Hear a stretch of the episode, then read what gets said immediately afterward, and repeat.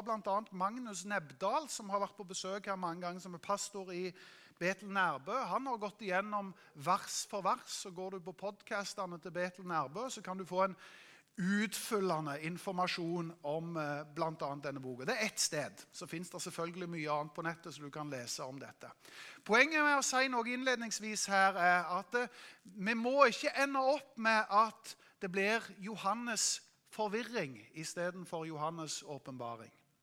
For det kan bli så forvirrende at vi sitter igjen og tenker hva i alle dager er denne boka? Det er meint å være åpenbaring. Åpenbaring handler jo om at du avdekker noe som er skjult.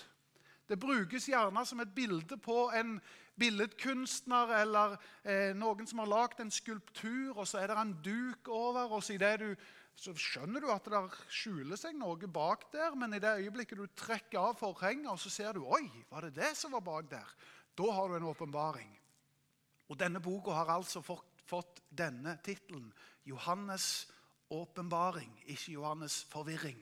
Så nå må vi be om at vi rett og slett skal få åpenbaring. At vi skal få se ting tydeligere og klarere når vi åpner denne boka sammen. Jeg har bedt Maria om å lese kapittel 1 for oss når du tar mikrofonen der.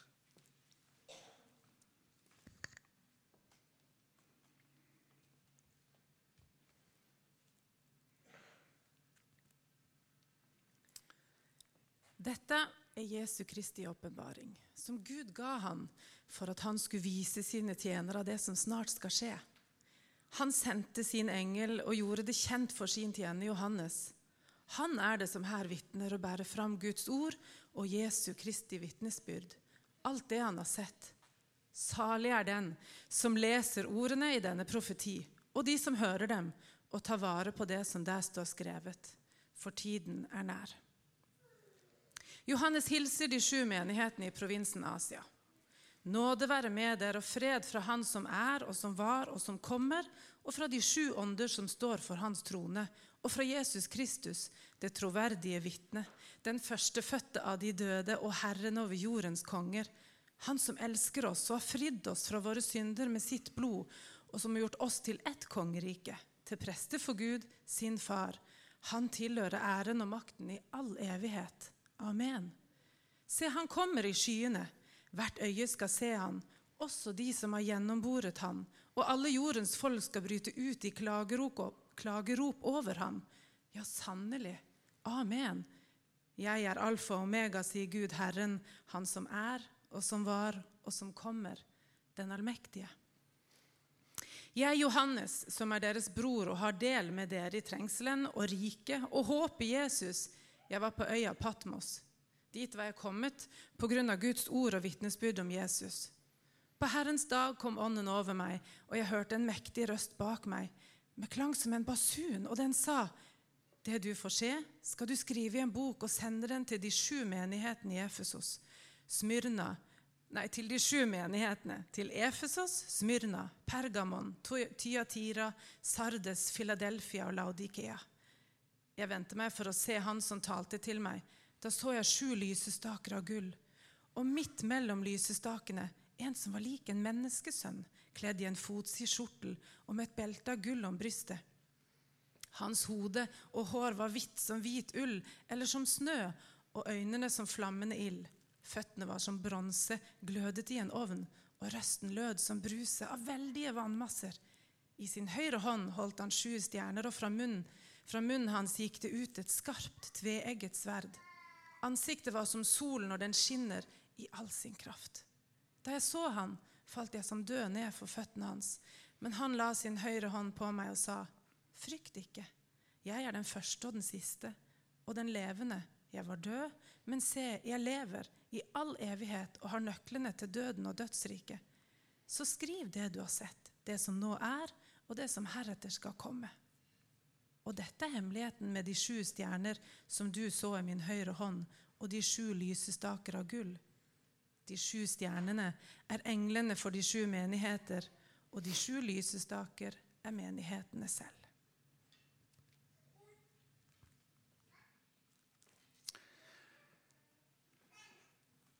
Allerede i vers 1 så står det ganske tydelig at dette ikke først og fremst er Johannes sin åpenbaring, men det står at det er Jesu Kristi åpenbaring. Så det er tydelig at dette er en åpenbaring som Jesus bærer, og så gis han av Gud til Johannes for at han skal skrive det ned, og så skal vi få et glimt av det som ligger foran, det som har med framtida å gjøre. Går du til vers 2, så ser du at det, eh, det er vitnesbyrdet om Jesus Kristus som står sentralt. Og Det er jo det som gjør at vi på en måte tør å åpne denne boka. Det er det at vi tror at den som trer fram mer enn noen andre i denne boka, det er Jesus Kristus sjøl. Og så sies det videre at de, den som skal som skal bære dette vitnesbyrdet fram, eller bære ordet fram, det er Johannes. Og Johannes er apostelen Johannes. En av Jesus sine tolv, han som Jesus elska. Det er kjærlighetens apostel. Det er han som har skrevet Johannes' evangelium. Det er han som har skrevet Johannes' brevene. Og nå skriver han altså Johannes' åpenbaring. Og han er et sted, Han er på ei øy som heter Patmos ute i Stillehavet. og Det står at adressen til det han skal skrive, den skal gå til syv menigheter i Asia. Og Da kan vi tenke med en gang at Asia det er jo det store Asia som vi kjenner det. så Det er sikkert en eller annen menighet i Filippinene eller på Thailand, eller et eller annet, men det er altså en region som var i nærheten av Middelhavet, litt østlig, det vi i dag kaller for Tyrkia. Der befant det seg syv menigheter som han fikk i beskjed om at det du nå ser, det skal du skrive ned, og så skal du formidle det til disse menighetene i Asia. Og Det at han sitter på Patmos, det er en slags fangetilværelse han er i. For han har jo tjent Jesus Kristus og tjent Gud gjennom et langt liv. Og så har han skrevet sine brev, og så kjenner vi til at kristendomsforfølgelsen kom. Og alt av venner som Johannes hadde, de har mer eller mindre lidd martyrdøden. Så de er jo i ferd med å dø ut den ene etter den andre. Og der sitter Johannes igjen, etter å ha tjent Gud, på en slags fangetilværelse på ei øde øy som er avsvidd og avkledd og nesten som en aldri så liten ørkentilværelse. Så la meg stoppe akkurat litt med det. Fordi Det er rart med det at selv i vår ørkentilværelse så kan Gud være mektig til stede. og Han kan åpenbare seg og han kan vise seg. Sånn var det for Johannes. Et kraftig møte med Gud, en åpenbaring fra himmelen, selv i ødemarken. Det går igjen i Bibelen. Det er en hel bok i Bibelen om ødemarken. Fjerde Mosebok den handler om ødemarken. Den handler om ørkenvandringen som tok 40 år når de skulle bevege seg mot det landet som Gud hadde lovt. Jeg var inne på Google Maps og sjekket, og sjekket bare en distanse fra Kairo til Jerusalem. Hvor lang tid tar det å gå det? Ifølge Google Maps er det 148 timer. Det vil si at vi snakker om ei lita uke å gå. Og Når du da trenger 40 år, så skjønner du at du har gått noen omveier. Du har gått litt i sirkel. Det er dere med på. sant? Og det er klart at ok, Nå hadde de mye folk, og det var mye dyr og mye greier. sånn at det er klart Hvis de ikke skulle trenge ei uke, så kunne de kanskje trenge to uker eller tre uker. Men at de skulle trenge 40 år, det høres jo unødvendig ut. Men ørkentilværelse det skjer igjen og igjen. Det skjer for ulike folk. Det skjedde for Jesus sjøl. Jesus var ute i ødemarken. Han var i ørkenen. Han var der i 40 dager. Han fasta, han ba. Det gjør at vi i dag i kirkeåret har det som heter 40 dagers fastetid, som vi er midt inni, og som vi sammen for Riska gjør noe med. Med at vi lager en bønnemanual og oppfordrer til bønn, oppfordrer til faste. Og sier noe om at ørken, folkens, ødemark, det har gått igjen gjennom hele historien. Og Det kan kanskje noen befinne seg i, fordi jeg tror at selv en sånn pandemitid, en koronatid, den kan slå ut veldig uheldig for oss. For noen kan det bli som en ørkenvandring. Som et sted av Oi, nå er jeg ute av rytmene, nå er jeg ute av rutinene. Jeg får det ikke helt til med den nærheten til Gud. En menighet i Sandnes gjorde en undersøkelse blant sine medlemmer nå i koronatid og fant vel ut at det var sånn ca. halvt om halvt. Og når vi hadde et pastortreff nå tidligere i uka, bl.a. meg og Sigmund var der, så tok vi en runde rundt bordet, og det var litt sånn gjengs følelse. Det er at i en forsamling, når det skjer sånne ting som skjer, så er det en halvpart som på en måte kjenner at jo, men jeg har, jeg har, Jesus er jo nær, Den hellige ånd er jo nær, jeg har jo Bibelen, jeg har jo noe jeg kan gå til. og jeg, eh, Kanskje jeg til og med fikk senka tempoet og rytmen. og det er nesten sånn at Nærheten til Gud og i fall avhengigheten til Gud ble enda større. Mens for en annen halvpart så er det litt sånn at oi, dette ble til en ørkentilværelse. Dette ble som å være i ødemarken. Og Da er det viktig å si noe om at eh, Gud kjenner til konseptet ødemark. Gud kjenner til konseptet ørken. Sånn har det vært for kristne gjennom alle tider. Og Gud er ikke sånn at han ikke ser oss når vi er i en ørkentilværelse, i ødemark. For Johannes så ble det en åpenbaringstid. Han så noe. Og jeg tror at Gud kan åpenbare seg for oss. Jeg tror Gud kan komme til oss i vår frustrasjon og forvirring og ødemark. Og så kan han bli ny for oss. Og vi kan få en fornya relasjon til Han, selv midt i ødemarken. Jeg har lyst til å tenne det gnisten og den håpet fordi jeg tror det er bibelsk. Det var jo til og med sånn at i de første 100, var det rundt 300-tallet det var noe som oppsto som het Ørkenfedrene.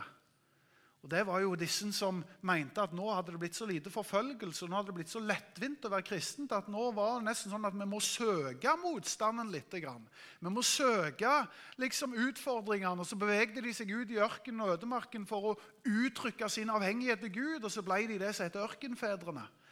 Og sånn tror jeg at noen ganger så kan den type motstand faktisk bygge vår tro. Det kan faktisk hjelpe oss til å vokse med Gud. Og Det ønsker jeg å stå sammen med menigheten i bønn om at det som har vært et veldig annerledes år, kan bli til et år av at vi får lov å komme tilbake igjen til en ny nærhet til Gud, avhengighet til Gud. Nå er dette et slags sidespor, for det at, men jeg tror det var der Johannes var. Det var der Johannes var. Det var en ødemark, men det var en åpenbaring fra himmelen. Og så fikk han beskjed skriv ned det du har sett. og det omtales her, så det står i teksten Skal vi se vers eh, Er det tre eller fire? Iallfall så står det om at det er en profeti. Og Profeti handler jo om et frempek. Det handler om noe som skal skje. Noe som ligger der framme. Og det vil si at den boka har alltid blitt sett på som først og fremst ei bok som peker framover i tid. Og Det gjør jo at det blir gjenstand for tolkning. Og De tre vanligste kall det tolkningene og veiene å gå når en åpner Johannes' åpenbaring, det er nummer én at en leser dette og tenker at nesten alt har skjedd. Altså, nå er vi i 2021. Og så tenker en dette ble jo skrevet noen titalls år etter Kristus. Og eh, nå har det gått 2000 år. Og nå har det meste skjedd. sånn at i disse 22 kapitlene så har på en måte 21 kapittel og halve kapittel 22 allerede skjedd. Så nå venter vi bare at det siste lille skal skje. Det er én måte å tolke Johannes' åpenbaring på. Da blir jo det som står, litt sånn historisk sånn Kan vi finne noe i historien som underbygger det som står her? Altså det har jo skjedd. Og dermed så blir det litt sånn, det er ikke så relevant i dag, for det har jo allerede skjedd.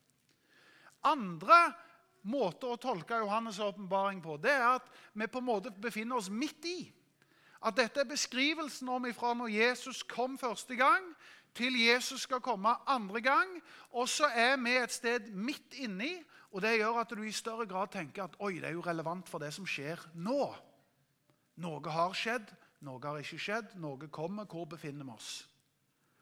Den tredje tolkningen som eh, er rådende, det er jo at eh, en fremstiller alt mer eller mindre som framtid. Altså, Vi har egentlig ikke begynt å touche med det, men alt ligger mer eller mindre i framtid. Og Da blir det jo desto mer spekulasjon på ting som skjer. Poenget er vel å si noe om at det finnes ulike måter å tolke denne boka på. Og Den vanligste det vil jeg si at det er kanskje den nummer to. det er At vi befinner oss et sted midt imellom. At det er noe som har skjedd, og det er noe som ennå ikke har skjedd.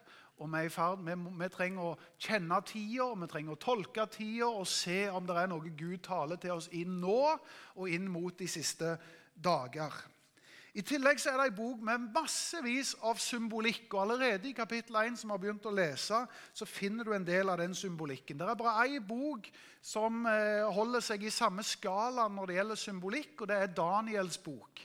Der oppfordrer jeg dere by the way, til å følge podkast til Mark Watton i eh, Tabernakel i Haugesund, som nå for tida går igjennom kapittel for kapittel og vers for vers. Daniels bok, hvis en er interessert i disse tingene som handler om at det er mye symbolikk. Du finner drager og demoner og engler og eh, dyr og all slags greier. Og det finner du òg igjen i Johannes' åpenbaring. Og det betyr at det er massevis av symbolikk. La meg ta noen eksempel. fordi det er ikke alltid at i Johannes' åpenbaring at du skal lese dyra som bokstavelige, men de er et bilde på noe. Det er ikke alltid du skal lese tallene som matematikk, men de er et symbol på noe. Eksempelvis så står det jo i denne teksten her Det står om at eh, eh, eh, de, Det står om de syv Guds ånder. Og Da er spørsmålet, da blir en jo forvirra med en gang. fordi at, ja, men Jeg trodde det var bare én ånd. Altså, er det ikke sånn at det er Den hellige ånd som er den ene ånden fra Gud? liksom? Det er jo Den hellige ånd. Og her står det om de syv ånder. De syv Guds ånder. Hva er det for noe? Da må man jo skjønne at tallet syv er fullkommenhetens tall, og det har ikke noe med matematikk å gjøre. Men det handler om at den fullkomne Guds ånd, som er Den hellige ånd, den trer fram.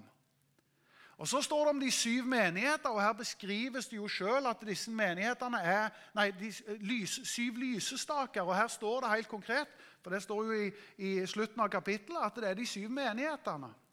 Og så står det om de syv englene som var som et sendebud. Og Her er det altså symbolikk som trer inn, og det, det er det gjennom hele denne boka. herrene. I dette avsnittet så har jeg lyst til å trekke fram at det her omtales jo Jesus i sin makt og i sin majestet. Det står beskrevet om både bronse og kjortel og alt mulig, og belte og gull. og Massevis av symbolikk som basically understreker at her er det Jesus Kristus som trer fram. Og det har jeg lyst til å si at Når det gjelder kapittel 1, 2 og 3, så er hoved, ja, egentlig gjennom hele boka, men spesielt gjennom kapittel 1, 2 og 3, så er den som trer fram gjennom alt av symbolikk og gjennom alt av ting som står, så er det Jesus Kristus sjøl. Det sies der at I de første tre kapitlene så omtales Jesus på 20 forskjellige måter. Og Det er bare 20 forskjellige måter å understreke den samme personen. Som er vår frelser, som er vår Herre, og som er den som vi skal sette vår lit til. Det betyr, Når jeg sier dette, så er det for å gi oss en, en slags bakgrunn av at mens det vanlige er å lese Bibelen konkret og nærmest bokstavelig, så er det en øvelse å lese Johannes' åpenbaring, fordi at der er det mer abstrakt og mer symbolsk. Og Det er nesten som en hovedregel at hvis det ikke det at du må lese det symbolsk hvis det ikke er grunn til å tro noe annet. I motsetning til mye av annet av Bibelen, der det er grunn til å lese det bokstavelig og konkret, med mindre det er grunn til å tolke det symbolsk. Og Derfor må en lese det på en annen måte enn en leser andre bøker i Bibelen. Tonen i boka den eh, finner jeg egentlig i vers 7 og vers 8. Her står det Se, han kommer med skyene. Hvert øye skal se ham. Det ble, en, det blir jo en, spesiell dag. Jeg husker når Arild Edvardsen talte om dette og snakket om medias rolle i den siste tid. og den tida når dette ble skrevet, så var det jo fullstendig usannsynlig at alle skulle kunne se Jesus Kristus samtidig. Nå er det jo sånn at et tastetrykk unna, så har du jo alt på skjermen på et øyeblikk. Og Her står det altså noe av det som skal prege dette at Jesus kommer. Se, han kommer med skyene. Hvert øye skal se ham.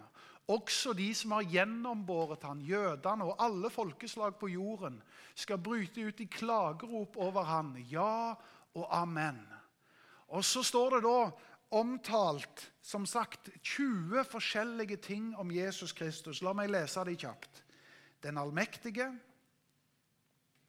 den første og den siste, den ene som var død, men som nå lever. Nå snakker jeg om i hele kapittel 1, 2 og 3. Han som holder de sju stjerner i sin høyre hånd. Han som vandrer blant de syv lysestaker av gull. Han, som, han ene som holder et toegget sverd. Den ene som eh, har de syv Guds ånder. Guds sønn med flammende øyne og føtter av bronse. Han som er hellig, han som er sann, han som bærer Davids nøkler, han som har navnet Amen, han som er Gud skapelses begynnelse, Poenget er at det fins en mulder av beskrivelser av den ene og samme ting. Det er Jesus Kristus det handler om. Og Her står det i vers 8 jeg er, og det skal jeg stoppe litt ekstra med, fem av disse beskrivelsene som fins i kapittel 1. Jeg skal ta de veldig kjapt. Men her beskrives Jesus som alfa og omega. For dere som er bevandra i kristent landskap vet og har hørt det uttrykket før, vet at det er den første og den siste bokstaven i det greske alfabetet som indikerer at Jesus ikke bare er begynnelsen, men han er òg slutten. Han er den som holder hele historien i sin hånd. Og Det gjør at vi har mer enn korset som et kristent symbol. Korset er kanskje det sterkeste kristne symbolet, men det eldste kristne symbolet det er ankeret. Anker er det eldste kristne symbol, for det forteller noe om at vi har en anker òg for framtida. Vi har et håp, vi har noe som er retta ikke bare mot det som har vært, og det som er, men òg mot det som kommer. Jeg er alfa og omega. Jeg har kontroll. Og i en tid der en skal lure på hvem er det egentlig som har kontroll i disse tider, her, så sier Bibelen tydelig at den du skal feste din lit til, den du skal sette ditt håp til, den som har kontroll fra begynnelse til slutt, den som har planlagt begynnelsen og har fullført det og, og, og har kall det, er i framtida òg, det er Jesus Kristus, han som er alfa omega. Og Så fortelles det litt videre her at eh, ikke bare han alfa omega, men det sies på en annen måte, som nesten er ganske likt da. Det er det at han var, og han er, og han kommer.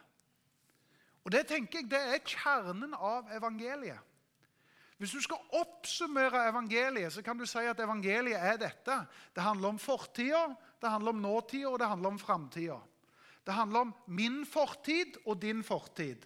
Det vil si at av den bagasjen meg og deg har i fortid, for det har vi alle sammen, så fins det tilgivelse, så fins det nåde. Wow, det er evangeliet. Men så fins det mer enn det. Det fins òg noe for i dag. Og det er at Gud er nær. Det gjør at vi kan be til Han, søke tilflukt til Han. Tenke at han var ikke bare som i historien, men han kom oss nær i vår skrøpelighet, i vår svakhet. Han er oss nær i dag. Og så er han òg den som skal komme. Det vil si at vi har et håp for framtida. Og Det er evangeliet oppsummert. Tilgivelse for fortid, nærvær i dag og håp for i morgen. Og Alt dette oppsummeres i én person. Han som er alfa og omega, han som var, han som er, og han som kommer. Dette er evangeliet. Og Så sier også denne boka, eller så sier Johannes her at ikke bare er det sånn at Jesus er sånn, men på et vis er denne boka òg sånn. Den beskriver noe som har vært, noe som er, men òg noe som kommer. For at vi skal være klar over det som ligger i fortid. Nei, i framtid. Sorry. Og så står det i vers 5 Han er det troverdige vitnet. Kanskje det mest uh, brukte ordet i uh, amerikansk politikk de siste åtte år, det er fake news. Det har kommet med full tyngde. Hva er det som egentlig er troverdig? Det fins så mye informasjon. Og så omtaler altså Johannes i sitt glimt. Så han får inn og ser Jesus Kristus, og sier han, hvis det er noe vi skal vite om denne personen, Jesus Kristus, så er det at han er troverdig. Det er ikke fake news. Det går an å stole på det som er sagt av han. Den han er, kan du sette din lit til. Han er det troverdige vitnet. Og så står det videre i vers 5 han er den førstefødte blant de døde. Hva betyr det? Jo, er det noe som er brennsikkert, så er det at døden kommer. Den kommer ikke og lirker oss ikke unna noen mann. Og døden, den er vår største fiende. For hvis Bibelen sier at størst av alt er kjærligheten, men døden tar knekken på livet, da er det jo døden som er det sterkeste. Da er jo ikke kjærligheten det sterkeste. Hvis kjærligheten ikke vinner, så er ikke kjærligheten det sterkeste. Da er jo døden som er det sterkeste, hvis den får lov å vinne. Og Den har et makt og et grep om alle mennesker pga. vår syndige natur. Og så går Jesus inn i døden for oss. Og Hvis han hadde blitt, hvis han hadde blitt liggende i grava, så hadde jo døden vunnet, og da hadde ikke kjærligheten seira. Men fordi at Jesus sto opp igjen ifra de døde, så har det vist seg at det er noe som er sterkere enn døden. Og Det betyr at kjærligheten seirer. Og kjærligheten kan vi sette vår lit til og ha vårt håp til og omfavne og tro på. Og så sier altså disse versene her at han er de førstefødte blant de døde. Han har på en måte bana en vei gjennom døden til livet og sagt at dere kan få lov å følge den veien og klamre dere til den kjærligheten som er sterkere enn døden. Dette er en beskrivelse av Jesus Kristus. Det siste jeg tar med som beskrivelse av Jesus, det er altså 20 beskrivelser av Jesus i de første tre kapitlene, det er at han er hersker over kongene på jorden. Og det er Noen som har sagt det sånn uansett hvem som er president, så er Jesus konge. Uansett hvem som er konge, så er Jesus kongenes konge. Og Dette er jo en beskrivelse Johannes gir for å si at det er ingen større. Ingen over, ingen ved siden. Han er den største av de alle.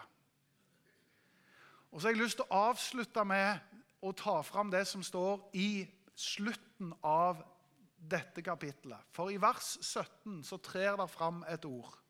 Og Det er der jeg har lyst til å avslutte som en appell. Og si at det står Frykt ikke.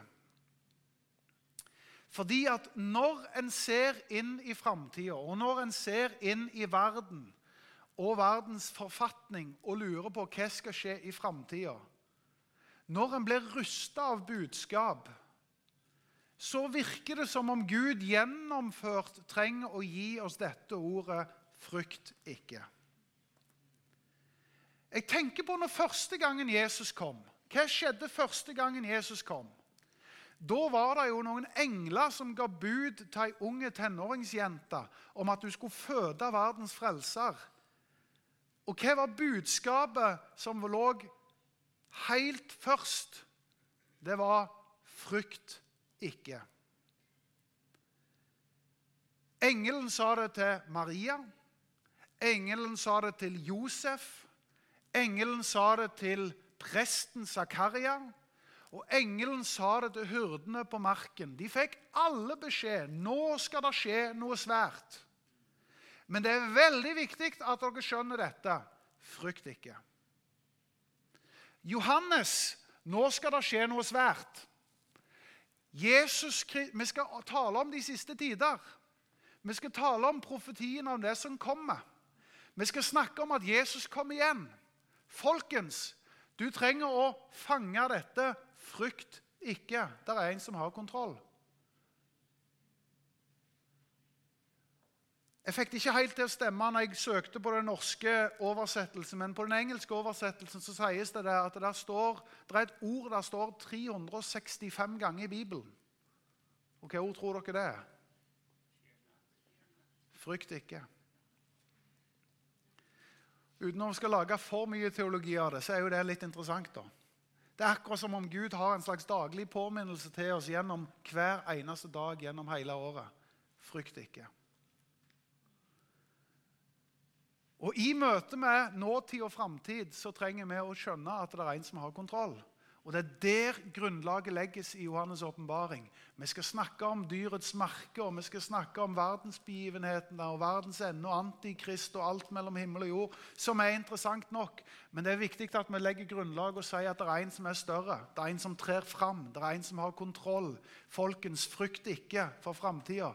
Jeg er alfa og omega. Jeg er begynnelsen og enden. Jeg er han som var, og han som er, og han som kommer. Og jeg tror at vi kan nærme oss framtida med noe av den samme holdningen som Maria når hun fikk dette beskjed om å bære fram verdens frelse. Det er at hun sa jeg vil være en tjener for den store Gud. Og så var det noe annet hun gjorde. I vers 46 i kapittel 1, vi kjenner jo til eh, juleevangeliet, så står det Marias lovsang. Hun, hun, hun, lovsang. Det var som om hun hilste det som skulle skje, velkommen. Og lovpriste Gud. Og så sa hun jeg vil være en tjener som bærer fram verdens frelser. Og det tenker jeg at I møte med de siste tider så skal vi ha den samme holdningen som Maria, som Josef. Det er vi skal ikke frykte. Vi skal vite at det er en Gud som har kontroll. Og så skal vi lovsynge oss inn i framtida til ære for Han som er verdt å æres. Og så skal vi si Bruk meg, Gud, til å være med å gi verden denne frelseren. I Jesu navn. Amen.